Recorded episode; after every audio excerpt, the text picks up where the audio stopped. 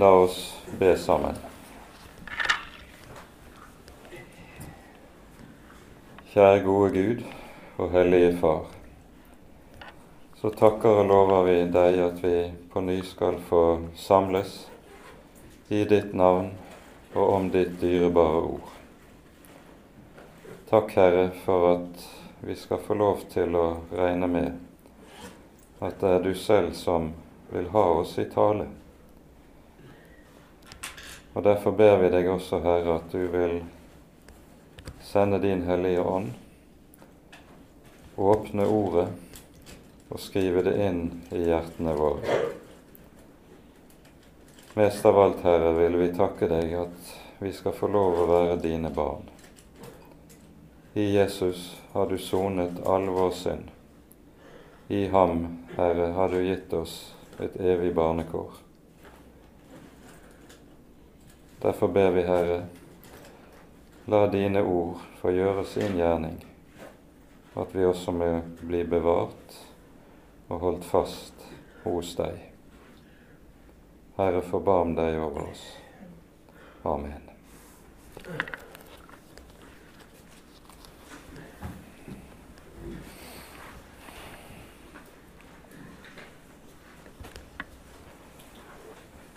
Vi er altså kommet til det sjette kapitlet i Jesaja-boken, og vi leser kapitlet i sin helhet eh, i sammenheng. Det er 13 vers.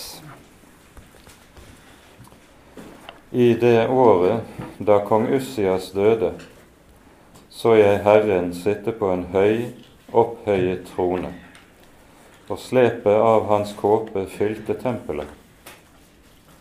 Serafer sto omkring ham. Seks vinger hadde hver. Med to dekket han ansiktet, med to dekket han føttene, og med to fløy han.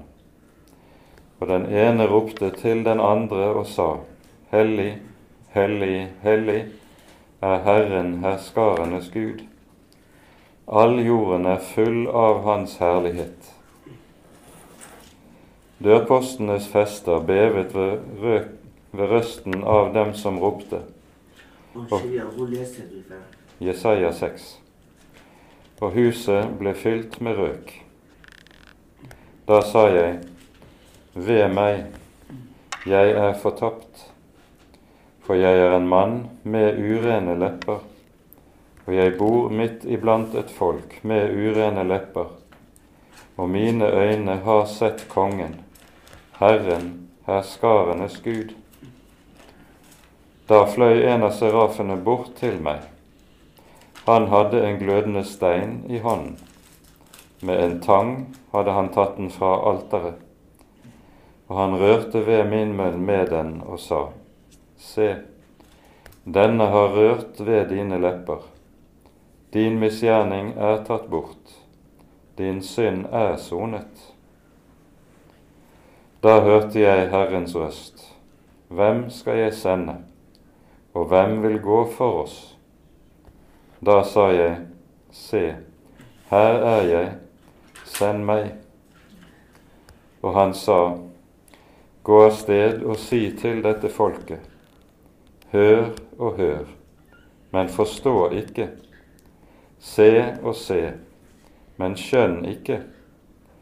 Gjør hjertet sløvt i dette folk.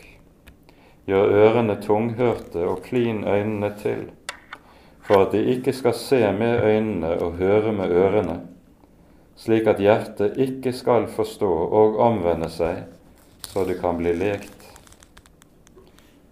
Da spurte jeg, Hvor lenge, Herre? Og han sa, Til byene er ødelagt og folketomme og husene uten mennesker, og landet er blitt ødelagt og blitt til en ørken. Herren skal drive menneskene langt bort, og tomheten blir stor i landet. Om det ennå er en tiendedel igjen i det, så skal også den bli fortært. Men like som det blir en stubb igjen av terrebinten og eiken når en feller den, slik skal en hellig sed være den stubb som blir igjen av folket. Amen. Det er mange som uh, mener at dette kapittelet som vi her har for oss, det er profeten Jesajas kallelsesfortelling, der han forteller om hvorledes han blir kalt til profet. Dette er imidlertid uh, ganske underlig i og med at Eh, det står i det sjette kapittelet i Jesaja-boken, mens når vi hører kallelsesfortellingene hos de øvrige profetene, der disse er berettet, så står disse alltid ved innledningen til, i begynnelsen av profetenes skrifter. Dette ser du veldig tydelig både hos f.eks. Jeremia og Esekiel, de to andre av de store profeter. Så hvorfor står dette sjette kapittel her, plassert her, hvis det er kallelsesberetningen? Jeg tror, med flere sentrale bibeltolkere, at dette ikke er en kallelsesfortelling, men en fortelling om en særlig fornyelse av profetens oppdrag en fornyelse av en slik art og av en slik betydning at det krever denne særlige kallelse som vi her hører om. Det er tidfestet til det år kong Ussias døde. Det vil si at vi nå befinner oss ca. år 740 før Kristi fødsel. Og eh, etter all rimelighet så er det slik at de fem kapitlene som går forut for dette sjette kapittel, de er talt i de siste årene av kong Ussias levetid. Eh, vi vet ikke hvor lang profetens virketid har vært før dette, men de fem kapitlene forut stemmer meget godt med det vi ellers vet om Ussias kongetid. Det var en tid med fred i landet. Det var en tid med stor velstand. Det var en tid der Israels og Judas rike hadde gjenvunnet sin gamle storhet som det hadde under kong Salomo. Og Dette gjenspeiles ganske tydelig i de foregående kapitlene. Når vi nå kommer til det sjette kapitlet, i det år kong Ussias døde, så står vi ved et tidsskifte i det gammeltestamentlige Guds folks historie. Et tidsskifte av overmåte stor betydning. Det ser vi ikke minst av at uh, dette kapittel seks det henvises det til stadig senere i Den hellige skrift. Både hører vi at Jesaja en rekke steder i sin egen bok viser tilbake til det budskapet som her blir forkynt, og vi møter det igjen hos Jeremia, vi møter det hos Esekiel, vi møter det hos Zakaria, og ikke minst ved flere helt avgjørende punkter i den nytestamentlige, den nytestamentlige historie. Vi skal komme tilbake til det. Dette vendepunktet som vi her står overfor, det innledes med at profeten får se et veldig syn som i sin uh, egenart er slik at det kun har en parallell i eh, profeten Esekiels kallsberetning. Han får se Herren sitte på en høy og opphøyet trone, sies det, og slepet av hans kåpe fylte tempelet. Når begrepet tempel anvendes her, så er tankegangen den at himmelen er en helligdom der Guds trone står i det aller helligste. Når Moses i Andre Mosebok får befaling om å bygge tabernakelet, og Salomo senere reiser tempelet etter forbildet av hvordan tabernakelet eh, skulle innredes, så er det slik at tabernaklet og tempelet det er bygget etter det bildet Moses så på mens han var på berget. Han så den himmelske helligdom, og så skulle den jordiske helligdom være en avbildning av dette. Og så er poenget at Guds trone da står i det som tilsvarte det aller helligste i tempelet i Jerusalem. Og himmelen kalles altså for en helligdom, et tempel. Samme tankegangen møter vi igjen i en rekke av de åpenbaringer som vi senere finner i Den hellige skrift, ikke minst når vi kommer til Johannes' åpenbaring. Vi må også understreke at det jo er slik i Skriften at det sies uttrykkelig at intet menneske kan se Gud og leve. Og i Johannes-evangeliets innledningskapittel så stadfestes dette med at det står i vers 18 ingen har noensinne sett Gud. Og i 1. Timotius brev skriver Paulus Gud bor i et lys dit intet menneske kan komme eller nå. Og Da blir spørsmålet hvem er det da profeten ser? Ja, det svarer Johannesevangeliet på i det tolvte kapittel. At den Herre som profeten ser, det er den Herre Jesus Kristus før Hans komme i kjød. Og Da fyller ordene i Johannes 1,18 dette ut, i det det der sies Ingen har noensinne sett Gud, den enbårne Sønn som er Gud og er i Faderens skjød. Han har åpenbaret ham.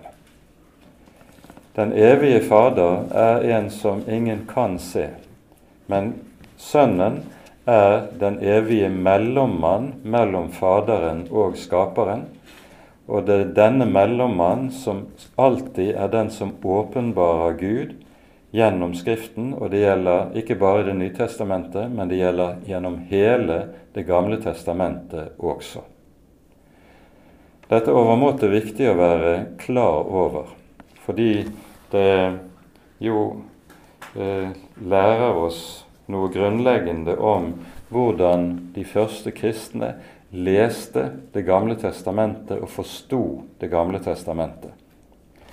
Vi kommer ikke mer inn på det i denne sammenheng, men en gjenklang av at vi her har med den treenige Gud å gjøre, møter vi i det åttende verset, i det det her sies Hvem skal jeg sende, og hvem vil gå for oss? Gud taler om seg selv i flertallsform, og det er akkurat det samme vi der møter som vi hører f.eks. i skapelsesberetningen, der Gud rådslår, den treenige Gud rådslår og sier 'la oss skape mennesket i vårt bilde og etter vår lignelse'. Og eh, senere i forbindelse med syndefallet så sies det mennesket er blitt som en av oss til å kjenne godt og ondt. På denne måten så omtales Gud i Det gamle testamentet i en pluralitet. Gud er en pluralitet eh, som det jo antydes ved slike tekster, og dette åpenbares tydelig og klart for oss i Det nye testamentet. I Det gamle testamentet er det enda ikke åpenbart like klart. Men pluraliteten i guddommen, det at Gud er tre og én, det er gitt gjennom slike vers som dette, og vi vil finne rikelig rom for mer av dette senere i Jesaja-boken. Vi hører også et glimt fra den himmelske gudstjenesten. Det står Serafa sto omkring ham. Seks vinger hadde hver. Med to dekker han ansiktet, med to dekker han føttene, og med to flyr ham. Antallet serafer står ikke angitt, men av måten disse beskrives på, eh, når vi ser det i sammenheng med andre tekster, så må disse være identiske med det som kalles for de fire livsvesener i Johannes' åpenbaring. Eh, seraf det betyr brennende. Det kommer av et vers, verb i hebraisk som betyr å brenne. De er ildvesener. Eh, og det vi skal legge merke til, det er at når lovsangen lyder, og vi hører det trefoldig hellige, så er beskrivelsen av serafene eh, slik at den så å si gir en gjenklang, den konkretiserer nettopp dette at de står overfor den hellige Gud i det aller helligste. De skjuler sitt ansikt. De frykter for å se Den allmektige. Altså selv disse englevesener som hører med blant de aller høyeste av englene, de som er rene, uten synd på noe vis, selv de dekker sitt ansikt og kan ikke se Den allmektige direkte. At de også dekker sine føtter, det minner om det som Moses får befaling om når han står ved tårnebusken. Dra dine sko av dine føtter, for det sted du står på, er hellig grunn. Og så hører vi altså lovsangen innenfor Den hellige. Og det er rimeligvis også slik at det vi her hører, er bakgrunnen for at i Jesaja-boken møter vi et særegent Guds navn som vi møter relativt sjelden ellers i Det gamle testamentet. Herren kalles for Israels hellige. Dette navnet dukker opp på ny og på ny gjennom hele Jesaja-boken, men finnes bare en to-tre ganger ellers i Det gamle testamentet. Men Jesaja har altså her ansikt til ansikt med den levende i helligdommen en slik erfaring av Guds velde, Guds majestet og Guds hellighet at det blir så å si det som identifiserer Gud i profetens øyne. Herren er Israels hellige. Og det at Gud er den hellige Gud, det er bærende gjennom hele Jesajas profetiske budskap. Det er viktig å være oppmerksom på akkurat den siden. For dette er bakgrunnen for nettopp det som vi også ser, at alt det som urent er, vanhellig er, kjødelig er, det er noe som fortæres, og som ikke kan bli stående ansikt til ansikt med Den hellige. Lovsangen er av en slik art at hele tempelet, det himmelske tempel, bever. Og Jesaja opplever seg selv som gjennomlyst. Når han bryter ut som vi hører, ved meg, jeg er fortapt, for jeg er en mann med urene lepper, og bor midt iblant et folk med urene lepper.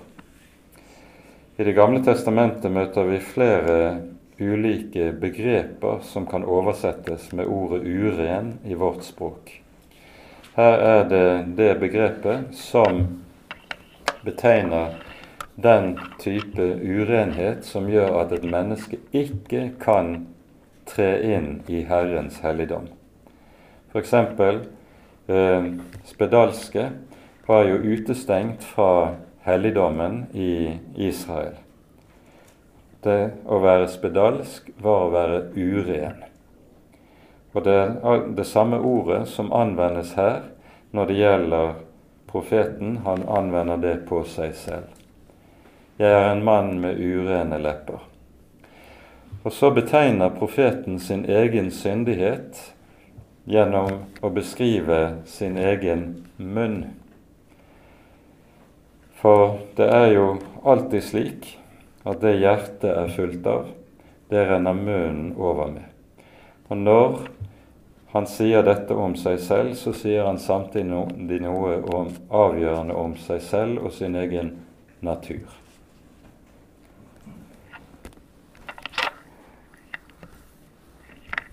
Dette skaper en veldig angst og en veldig frykt hos profeten. Jeg er fortapt, jeg må dø. Det som blir en gjennomrystende realitet for ham, er det som eh, jo lød allerede på forut for syndefallet. Dersom du eter av treet, skal du visselig dø. Syndens lønn er døden. Og når et menneske for alvor får med den levende Gud å gjøre, der reiser denne angsten seg i hjertet. Vi ser det samme også i Det nye testamentet. Peters første møte med den Herre Jesus, slik vi hører om det i Lukas 5, med den store fiskefangsten, det fører til at Peter fylles med dyp angst, faller på kne for Jesus i frykt og sier til ham, 'Herre, gå fra meg, for jeg er en syndig mann'. Han skjønner seg selv som syndig. Han passer ikke sammen med den hellige.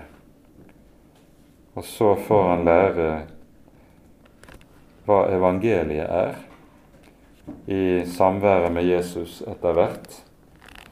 Evangeliet er det som helliger syndere, så de passer sammen med den hellige. Så renses profeten. En av serafene tar en stein fra alteret. Alteret er jo det stedet der det skjer soning. Steinen rører ved Gloen rører ved profetens lepper. Og så lyder ordene Din misgjerning er tatt bort, din synd er sonet. For det er bare når synd er sonet, at synd kan tas bort. Det er også grunnleggende i Den hellige skrift. Synd må sones. Og så, når profeten er renset, så kommer det store kallet. Hvem vil gå for oss? Hvem skal jeg sende? Og det at profeten er renset, det har skapt det som Bibelen kaller for den villige ånd hos ham. Se, her er jeg, send meg. Dette er den eneste gangen vi hører om profeter som kalles, at de så å si villig byr seg selv frem slik som vi her hører det. Når Jeremia kalles til profet, han protesterer. 'Jeg er ikke verdig, jeg er for ung', osv. Når Moses kalles, han protesterer. Når Esekiel kalles, vi hører det om den ene etter den andre. De protesterer for de mener seg totalt uverdige til det kall som Herren kaller dem til. Her skjer det motsatte. For Jesajas er renset. Renset midt inne i det himmelske lys. Og så skapes den villige ånd ved det. Også dette er enestående i Skriften, det vi hører akkurat her. Og så er det at Jesaja får det budskap som er kanskje det hardeste budskap som gis i Den hellige Skrift. Han får et forherdelsesbudskap. Og det er dette som gjør hele dette kapittel 6 til noe som er helt enestående i den gammeltestamentlige historie, og gjør dette kapittelet til et tidsskifte, et vendepunkt i den gammeltestamentlige historie. Det som nemlig nå skjer, det er at Israels folk går over fra å være i en tilstand der de frivillig og selvvalgt har forherdet seg mot Herren og mot Herrens ord, blir møtt av en Guds dom som sier at nå vil Herren selv begynne å forherde folket. Israel går altså over fra en selvvalgt forherdelse i dette år til en Gud pålagt forherdelse. Og denne forherdelsesdommen den virkeliggjøres trinnvis i Israels historie frem til den når sitt høydepunkt i møte med den Herre Jesus og apostlene.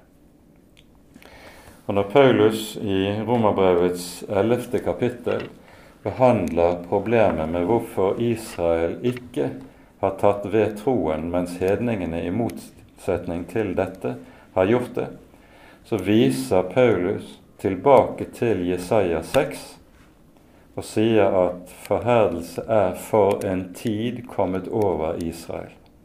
Men en dag skal Herren løfte denne dom og folket skal bli omvendt, og i den siste tid skal Israel bli et kristent folk, et Messias-troende, et Jesus-troende folk. Det er tankegangen hos Paulus i Romerbrevets ellevte kapittel. Det som vi her hører, det er noe som mange mennesker vil reagere på. Kan Gud forherde noe menneske? Hvorfor forherder Gud? Det hører vi flere steder i Skriften at Gud faktisk gjør. Forherde det betyr at hjertet blir gjort hardt, uimottagelig for ordet. Første tydelige eksempel på dette finner vi i eh, beretningen om Israels utgang av Egypt, der vi hører om farao, at han til å begynne med selv forherder seg mot Guds ord og mot Herrens befaling, til det kommer til et vendepunkt der Herren selv begynner å forherde farao. Altså, et menneske kan forherde seg så lenge at det til slutt kommer til et punkt der det ikke er lenger noen mulighet til å vende om. Herren forherder dette mennesket. Det er det som er det dype alvor som vi møter her. Og vi hører om dette i flere andre sammenhenger også. I um, første kongeboks 22. kapittel hører vi om den ugudelige kong Akab, som uh, Herren lar forherde, og hans forherdelse blir, leder ham like inn i hans egen død. Vi skal ikke gå nærmere inn på dette. Men i Det nye testamentet hører vi også tilsvarende om lignende forhold. Ikke minst sies det når det gjelder den siste tid i historien, eh, der vi hører i 2. Tessalonikabrevs 2. kapittel, så hører vi om hvorledes dette kommer til å prege hele denne epoke. Det er tale om den tid der eh, antikristen trer frem på historiens arena. Hans fremtreden er forberedt av et veldig frafall fra den kristne tro som foregår i hele kulturen. Og denne, Dette frafallet kalles her i 2. Tessalonika-brev for lovløshetens hemmelighet. Vi leser eh, i 2. Tessalonika-brev kapittel 2 fra vers 9. Den lovløse, altså antikristen, kommer etter Satans virksomhet med all løgnens makt og tegn og under, Det skjer med all urettferdighetens forførelse blant dem som går fortapt, fordi de ikke tok imot kjærlighet til sannheten så de kunne bli frelst. Derfor sender Gud dem kraftig villfarelse, så de tror løgnen. For at de skal bli dømt, alle de som ikke har trodd sannheten, men hadde sitt behag i urettferdigheten. Det vi her hører, det er at det som blir det avgjørende oppi dette, det er et menneskes forhold til sannheten. Der et menneske vedvarende forherder seg overfor sannheten, der vil det til slutt komme i en stilling der det blir umulig at det vender om, og Gud svarer med å selv være den som ytterligere forherder dette mennesket. Det er samme sak vi leser om i Romerbrevets første kapittel, et overmåte viktig kapittel i Det nye testamentet. Vi siterer også herfra. Um,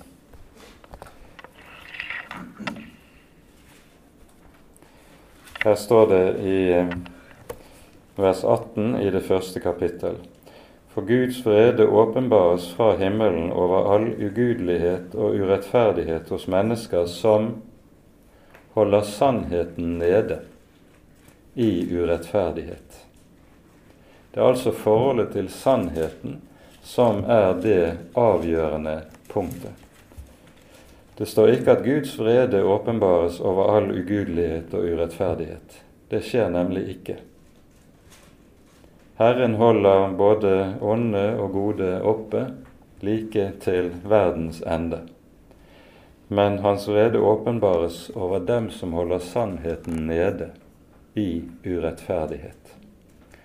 Og denne vrede hos Gud, den ytrer seg på den måte som senere eh, vi hører lenger ute i det første kapittelet i Romerbrevet. Det står derfor overga Gud dem til et sinn som intet duger. Og Dette uttrykket anvendes tre ganger her i Romane 1. Derfor overga Gud dem. Hva betyr det? Det betyr at Gud overgir et menneske til seg selv, slik at dette mennesket kan gjøre akkurat det det vil, uten at det er en samvittighet, en Guds røst inne i hjertet som holder det tilbake, som prøver å vekke det, som prøver å få mennesket til å stanse opp på sin egen vei. Mennesket får med andre ord lov til å gå sine egne veier, gjøre akkurat som det selv lyster, ønsker og vil, uten at Herren lenger prøver å stanse det. Dette er overgivelsen. Dette er en avgjørende side ved det vi her kaller for forherdelsesdommen i Jesaja 6. For det er nettopp på denne måten denne forherdelsesdommen virkeliggjøres i Israels folk. Det ser vi når vi leser sammenhengen i Jesaja-boken og videre ut i Jeremia-boken. Dette som vi her taler om, det er sammenfattet for oss i Salme 81. Eh, en salme som er skrevet lenge før denne tid, men som griper kjernen i det som skjer, i en kort sum. Eh, salme 81 eh, Vi kan lese fra vers 11 i denne salmen. Her taler Herren til folket og sier:" Jeg er Herren din Gud, som førte deg opp fra landet Egypt. Lukk din munn vidt opp, og jeg vil fylle den. Men mitt folk hørte ikke min røst, Israel ville ikke lyde meg. Så lot jeg dem fare i sitt hjertes hardhet for at de skulle vandre i sine egne onde råd. Altså Gud lar dem fare. Gud lar dem gjøre akkurat hva de selv vil hva de selv ønsker, lar dem gå sine egne veier. Og så møter vi denne salmen her eh, i det 14. verset Gud, Guds sukk. Bare to ganger i Salmenes bok hører vi Gud sukke. Han sukker over sitt folk. Det er her og i Salme 50. Og om mitt folk ville høre meg, og om Israel ville vandre på mine veier. Da skulle lyset på ny gå opp over folket. Men når folket på denne måten vandrer sine egne veier, så vandrer de inn i et stadig dypere mørke. Det er det som skjer med folket. Det som står i 12, det står mye mer eh, Det er enda tyngre i um, grunnteksten. Bokstavelig står det Mitt folk hørte ikke min røst. Israel hadde ikke lyst til meg. Israel har overhodet ingen lyst eller glede i Herren. De venner seg til alt mulig annet og har lyst til alt annet. Det vi her eh, hører, det går alt sammen tilbake til det vi talte om i forbindelse med gjennomgangen av kapittel 1, eller innledningen til Jesaja-boken. Nemlig dette at Jesaja-boken bygger i sin helhet på Moses sang i 5. Mosebok kapittel 32. Også i dette som vi her eh, hører, eh, finner vi grunnlaget i eh, 5. Mosebok 32, i det, det vi hører Herren si i det tyvende verset. Herren sier, 'Jeg vil skjule mitt åsyn for dem'. Jeg vil se hva ende det vil ta med dem, for en vrang slekt er de. Gud lar dem gå sine egne veier, og så sier han, 'Jeg vil se hva ende det vil ta med dem'. Når vi sier at Jesaja-boken i sin helhet bygger på disse kapitlene i, ved avslutningen av femte Mosebok, så hører vi eh, i eh, eh, på en måte opptakten til Mose avskjedssang i kapittel 32.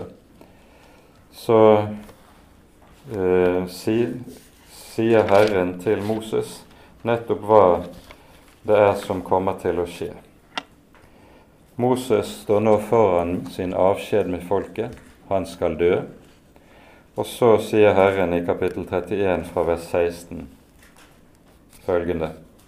Herren sa til Moses, når du hviler hos dine fedre, da vil dette folket komme til å drive hor med de fremmede guder i det land de kommer inn i.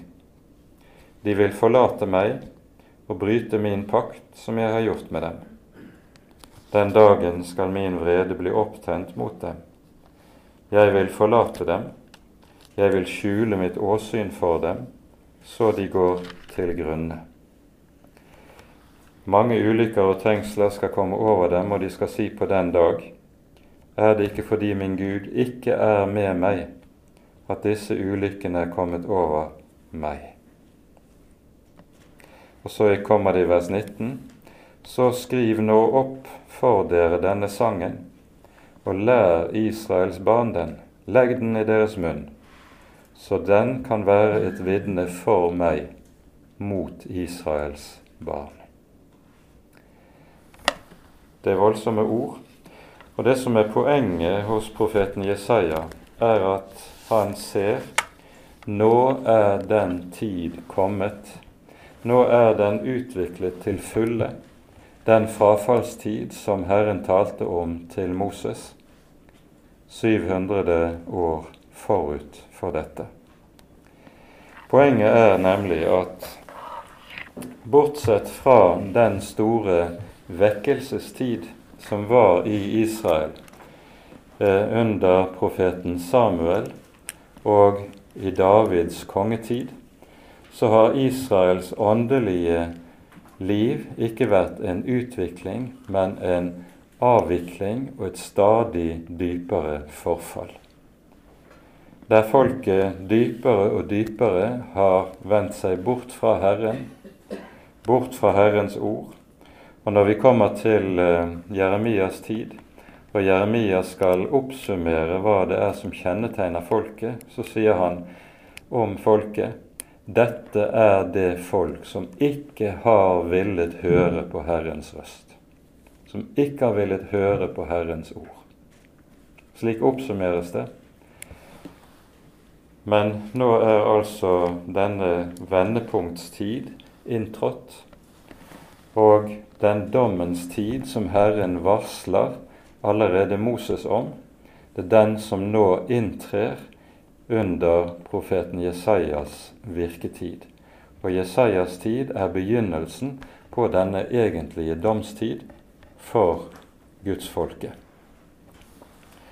Det vi skal legge merke til også i disse ordene som sies i vers 9 og vers 10, så står det Hør og hør, men forstå ikke. Se og se, men skjønn ikke. Dette innebærer at Israels folk skal komme til å ha Guds ord hos seg. De skal ha Guds ord for sine øyne og for sine ører hele tiden. De skal høre, og likevel ikke høre det de hører. De skal kunne se, for de har dette ord hos seg, men likevel ikke være ute av stand til å se og skjønne det de har for sine øyne. Og Nettopp dette er jo oppfylt til punkt og prikke i det jødiske folks liv og historie. De har hatt hos seg Guds ord og Herrens hellige lov. Ja, de har arbeidet mer med det enn noe annet folk. Og likevel gjelder det om dette folk. De hører og hører, men forstår ikke, ser og ser, men skjønner ikke. Som nevnt så virkeliggjøres denne dommen trinnvis eh, i de århundrer som følger på Jesajas liv og virke. Den første oppfyllelsen i konkret forstand skjer 150 år etterpå, i Jeremias tid, når babylonerne inntar Jerusalem og fører folket i fangenskap så kommer det en fornyelsestid i, eh, etter hjemkomsten fra Babylon, der vi hører om den lille rest. For dette er jo det som kapittelet, eh, kapittel 6 slutter med. Det taler om en liten rest som skal bli begynnelsen på noe nytt. Det er den lille rest der Herren begynner noe nytt, men Dog blir det slik at i denne lille rest fortsetter forherdelsen å gjøre seg gjeldende frem mot Jesu tid. Og når vi kommer til Jesu tid, så hører vi at den forherdelse mot Guds ord slår ut i full blomst, nemlig i fariseernes og saduseernes fiendskap mot den Herre Jesus, som fører ham til korset. Og vi skal se på ganske kort de sentrale tekster i Det nye testamentet som nettopp viser tilbake til dette. Først Matteusevangeliets 13. kapittel.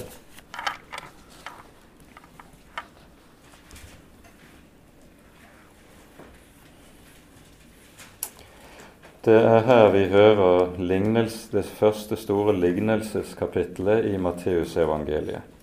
Og vi hører lignelsen om såmannen fra begynnelsen av i kapittel 13. Og så hører vi Jesus si disse ordene i vers 9 som knytter tilbake til Jesaja. Den som har ører å høre med, han hører. Vær ikke de som, som de som hører og hører og ikke gjør det. Og så fortsetter det. Disiplene kom da til ham og sa, Hvorfor taler du til dem i lignelser? Han svarte dem og sa, fordi dere er det gitt å få kjenne himlenes rikes mysterier, men dem er det ikke gitt. For den som har, ham skal det gis, og han skal ha overflod. Men den som ikke har, skal fratas endog det han har. Derfor taler jeg til dem i lignelser. Fordi de ser og likevel ikke ser. De hører og likevel ikke hører. På dem blir Jesajas profeti oppfylt, som sier dere skal høre og høre, men ikke forstå. Se og se, men ikke skjelne. Det som er poenget i denne sammenheng, er for det første Jesu lignelser skal ikke forstås som pedagogiske midler som skal gjøre det lettere for folk å forstå Jesu tale. Tvert om, Jesu lignelser er en egenartet tale som har det med seg at det setter et skille mellom folk. I det det er slik at de som ser og forstår, de skal ytterligere få lukket opp og ytterligere få se mer og forstå mer. Mens de som ikke gjør det, for dem lukkes det hele til så de forstår mindre og mindre, ser og skjønner stadig mindre. Jesus tale, lignelsestale, det er altså en tale som setter et slikt skille. Og Grunnen til at Jesus begynner å tale på denne måten nå, det er at nå har forherdelsen i folket også kommet til å nå til et høydepunkt. Vi hører i foregående kapittel at fariseerne beskylder Jesus for å stå i ledtog med djevelen, og at han gjør sine undergjerninger ved djevelens hjelp, ikke ved Guds hjelp.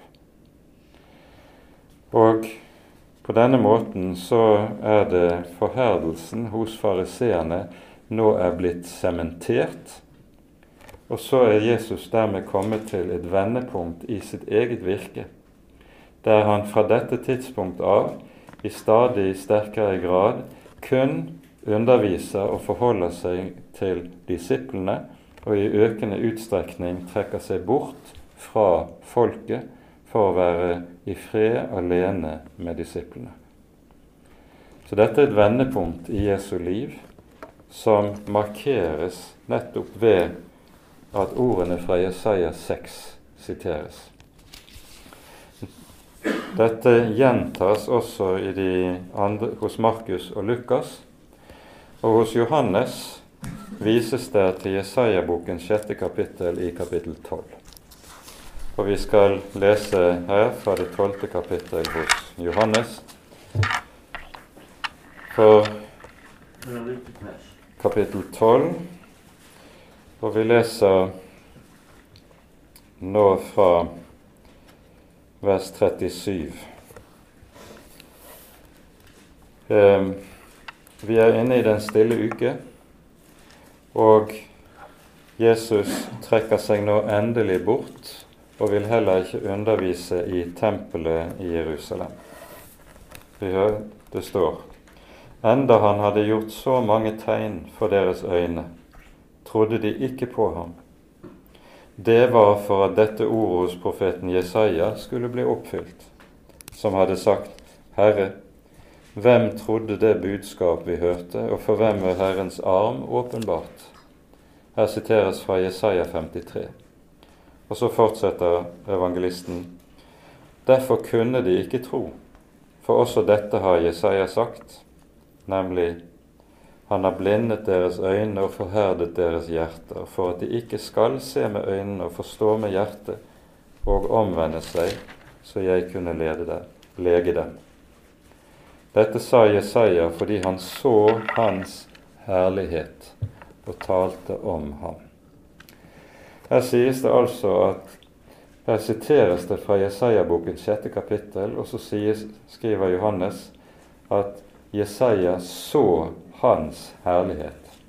Hvis herlighet er det Jesaja ser, det er Kristi herlighet. Det er nemlig Jesus som åpenbarer seg for Jesaja sittende på en høy, høy trone i tempelet. Kristus før hans komme i kjød. Tredje gang vi møter denne teksten i eh, Det nye testamentet, der i, ved avslutningen av apostlenes gjerninger, når vi også hører avslutningen av Paulus' virke. Paulus sitter i fangenskap i Roma, og eh, han møter noen av de jødiske innbyggere fra synagogen i Roma. Og eh, eh, vi leser fra apostelgjerningene 28, fra vers 25.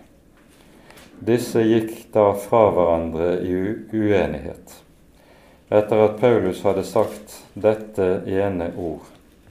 Rett talte Den hellige ånd ved profeten Jesaja til deres fedre, da han sa:" Gå til dette folk og si:" Dere skal høre og høre og ikke forstå, se og se og ikke skjønne. Dette folks hjerte er blitt sløvt. Deres ører er blitt tunghørte, og sine øyne har de lukket igjen, så de ikke skal se med øynene, ikke høre med ørene, ikke forstå med hjertet, og ikke omvende seg, så jeg kan forlege dem. Dette står som en oppsummering av hvorledes apostlenes virke er blitt mottatt i det jødiske folk. Og poenget er da at evangelistene ser eh, det slik at den Guds dom som ble uttalt i Isaiah 6, den er oppfylt til fulle i møte med Jesus og apostlenes evangelieforkynnelse.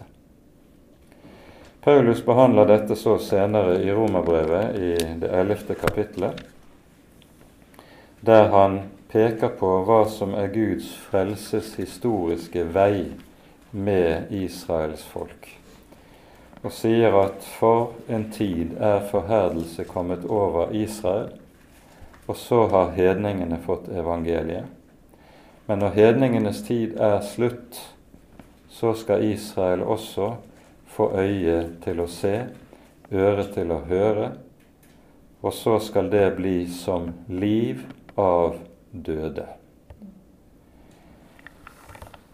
Avslutningen av det sjette kapittelet hos Jesaja det taler om det som vil komme til å skje med folket. Folket sammenlignes med et tre som hogges ned ved roten. Og så skal det dog, når det ser ut som alt er slutt, skal det spire frem en liten spire. Og Denne lille spire kalles for resten, eller levningen. Og Denne lille rest, det er den lille del av folket som dog blir bevart, som dog har øre til å høre. Det store flertall av folket går sine egne veier, men det er hele tiden en liten gruppe som kalles for den lille rest, som hører, og som Herren vet å holde oppe. Og Når du leser profetenes forkynnelse i fortsettelsen etter denne tid, så har profetenes forkynnelse dette dobbelte siktet, idet det på den ene siden er en forkynnelse som forkynner dom overfor det store flertall av folket som har gått sine egne veier. Og Samtidig er det en forkynnelse som også er rettet til den lille rest, og har som formål å holde denne lille rest oppe, at den skal bli bevart, stadig fornyes i troen og få lov til å forbli hos Herren, slik Herren har lovet. Og Når Paulus taler om seg selv i eh, avsnittet i Romane 9-11, det er jo hele dette lange avsnittet der Paulus omhandler denne problematikken, så taler han om seg selv som en som nettopp hører til den lille rest, som har hatt øre til å høre, og som er blitt bevart. Og Ser du på Kirkens historie, så har det hele tiden oppover gjennom Kirkens historie vært en slik liten rest av de jødiske folk som har tatt imot evangeliet, har blitt bevart i troen på den Herre Jesus, midt oppi at de ofte har møtt den aller største motstand, hat og forakt, ikke bare fra sine egne folkefeller fordi de tror på Jesus, men også fra hedningene fordi de er jøder. Det er en gruppe som uh, har måttet lide mye ondt oppover gjennom Kirkens historie.